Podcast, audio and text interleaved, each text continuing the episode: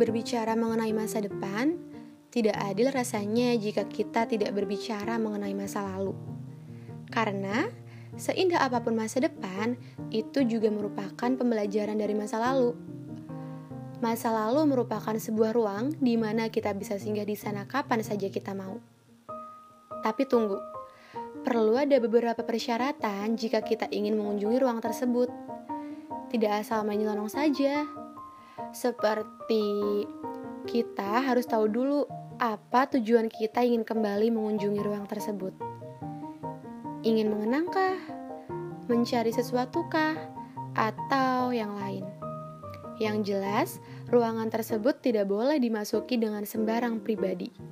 Masa lalu memiliki banyak definisi. Sama seperti jika kita ingin menjalin hubungan dengan seseorang. Masa lalu biasanya dijadikan patokan untuk sebuah persyaratan. Semua itu tergantung dari masing-masing individu saja. Ada yang berpikir kalau masa lalu dia sungguh kelam, dalam artian tidak bisa diterima oleh nalar, kita boleh saja kembali mempertimbangkan. Karena tidak ada salahnya juga masa lalu untuk dijadikan cerminan. Kita juga harus berjaga-jaga. Jangan sampai hal buruk di masa lalu dia terjadi juga di hubungannya yang baru nanti. Tapi, tidak boleh juga dijadikan suatu penghakiman. Karena kita tidak tahu, seseorang kan bisa berubah kapan saja. Dan ada juga yang berpikir seperti ini. Mau gimana pun masa lalunya, dia akan berusaha untuk menerima. Ya, kedua pilihan itu menurut saya sama saja. Tidak ada yang salah.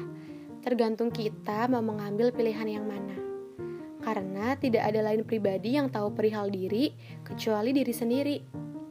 Jadi silahkan pilih, tentunya pasti pilihan yang terbaik. Namun, ada kalanya dalam sebuah hubungan kita tidak perlu mengulik dengan jauh masa lalu seseorang yang bersama kita. Itu privasi dia. Begitupun kita. Kita juga pasti memiliki masa lalu dengan seseorang biarkan itu menjadi rahasia diri. Jangan sekalipun diikut sertakan dalam hubungan kalian yang sekarang. Jangan saling membandingkan, karena dia yang sekarang bukan masa lalu kamu yang dulu.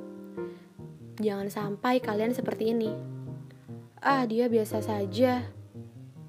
Tidak romantis seperti si A. Ah, dia kalau marah menakutkan. Tidak seperti si B yang gampang ditaklukkan.